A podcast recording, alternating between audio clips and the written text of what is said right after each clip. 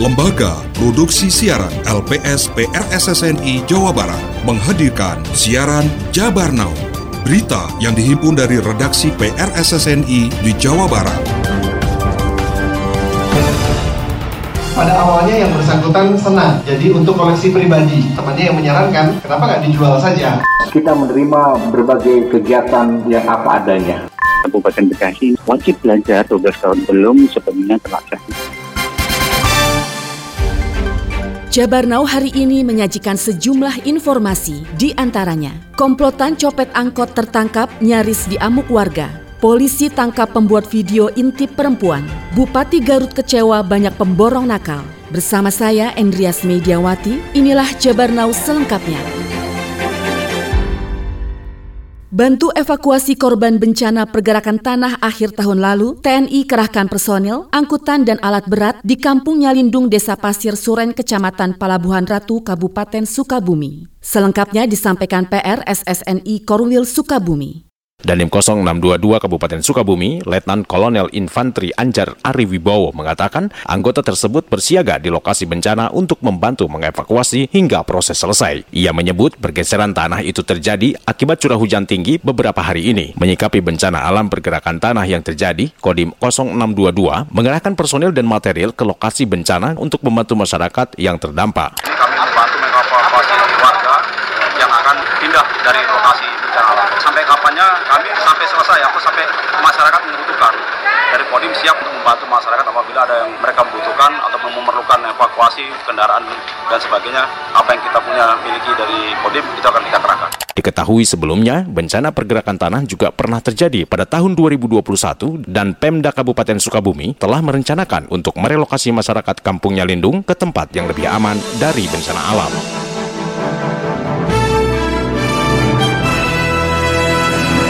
Pemkap Garut tak mau lagi berhadapan dengan pemborong-pemborong nakal, karenanya mulai tahun anggaran 2023 akan mengutamakan kualitas kegiatan proyek. Selengkapnya disampaikan PR SSNI Korwil Priangan. Penegasan itu disampaikan Bupati Rudi Gunawan. Bahkan ia mengancam akan laporkan pengusaha atau kontraktor nakal ke penegak hukum yang mengurangi volume material secara barbar yang mengerjakan pekerjaan fisik secara asal-asalan. Kendati ia mengapresiasi penyerapan anggaran tahun 2022 Kabupaten Garut yang mencapai 95,3 persen, namun menurutnya ada beberapa kegiatan di luar kewajaran, sehingga pihaknya berharap inspektorat yang menjadi garda terdepan untuk mengaudit mencegah terjadinya tindak pidana dengan sampel pekerjaan yang tidak sesuai, sehingga kerugian negara dikembalikan oleh para pemborong nakal itu. Hampir 90 persen pengawas itu tidak berkualitas. Kita menerima berbagai kegiatan kegiatan yang apa adanya. Tentu ini sangat tidak adil dan ini merupakan bagian yang harus kita perbaiki yang saya akan pimpin langsung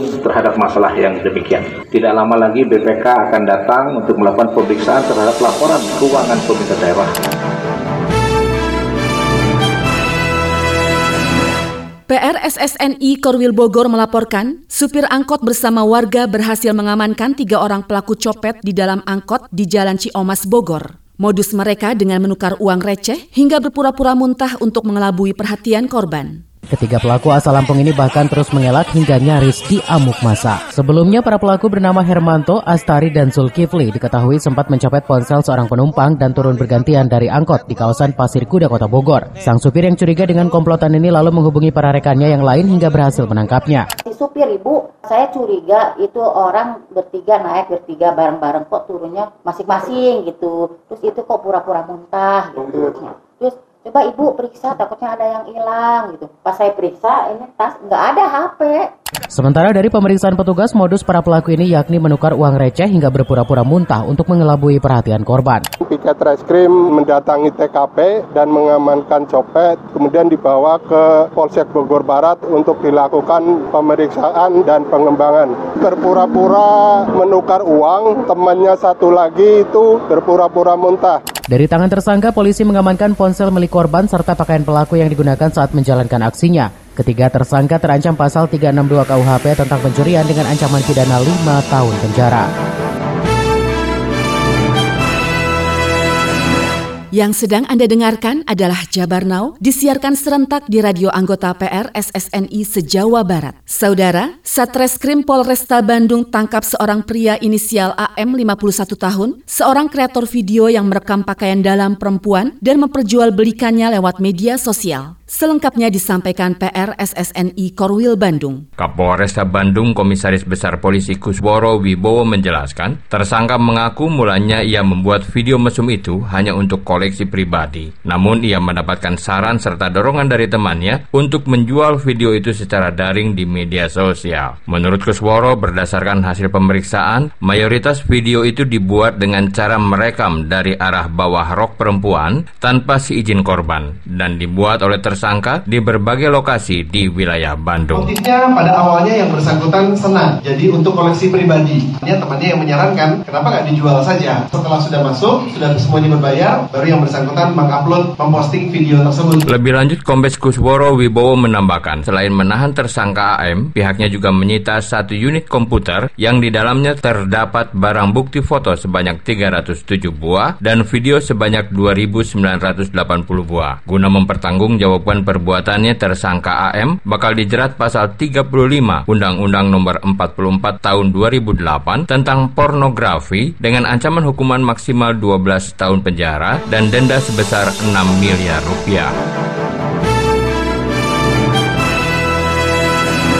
Setelah vakum lebih kurang 12 tahun, kepengurusan Dewan Pendidikan Kabupaten Bekasi periode 2022-2027 resmi dilantik PJ Bupati Bekasi Dani Ramdan Kamis 29 Desember 2022. Berikut laporan PRSSNI Korwil Karawang. Ketua Dewan Pendidikan Kabupaten Bekasi, Dr. Irwan Raharja mengatakan, seperti diketahui Dewan Pendidikan Kabupaten Bekasi vakum lebih kurang 12 tahun, sehingga wajib belajar di Kabupaten Bekasi belum terlaksana dengan baik. Vakum ya, dan tentunya dengan masa yang begitu panjang, banyak sekali aspirasi-aspirasi, ide-ide dan sebagainya yang mungkin belum uh, tersampaikan, belum terrealisasikan. Dan ini merupakan tantangan kami, PR kami yang cukup memperhatikan dan miriskan bagi kami adalah RLS atau rata-rata lama sekolah Kabupaten Bekasi ini adalah 9,5 tahun. Artinya adalah wajib belajar 12 tahun ini belum sepenuhnya terlaksana di Kabupaten Bekasi. Lebih lanjut ia mengatakan ini menjadi tantangan bagi Dewan Pendidikan untuk menjadikan pendidikan di Kabupaten Bekasi lebih berkualitas.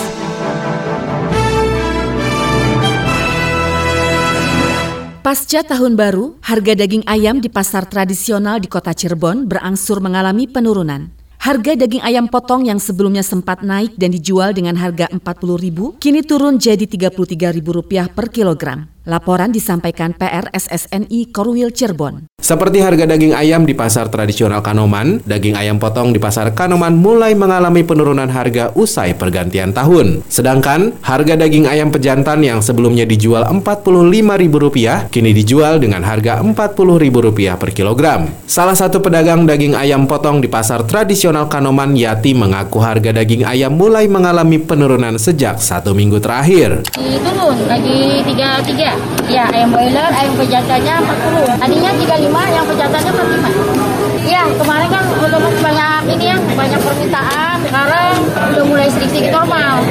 Uh, cuma dia masih tinggi, termasuknya segitu sih. Kan kalau normal 30. Meski turun harga, daya beli masyarakat masih menurun dibandingkan saat pergantian tahun yang justru mengalami peningkatan. Terima kasih. Anda telah menyimak siaran berita Jabar Now yang diproduksi oleh Lembaga Produksi Siaran LPS PRSSNI Jawa Barat.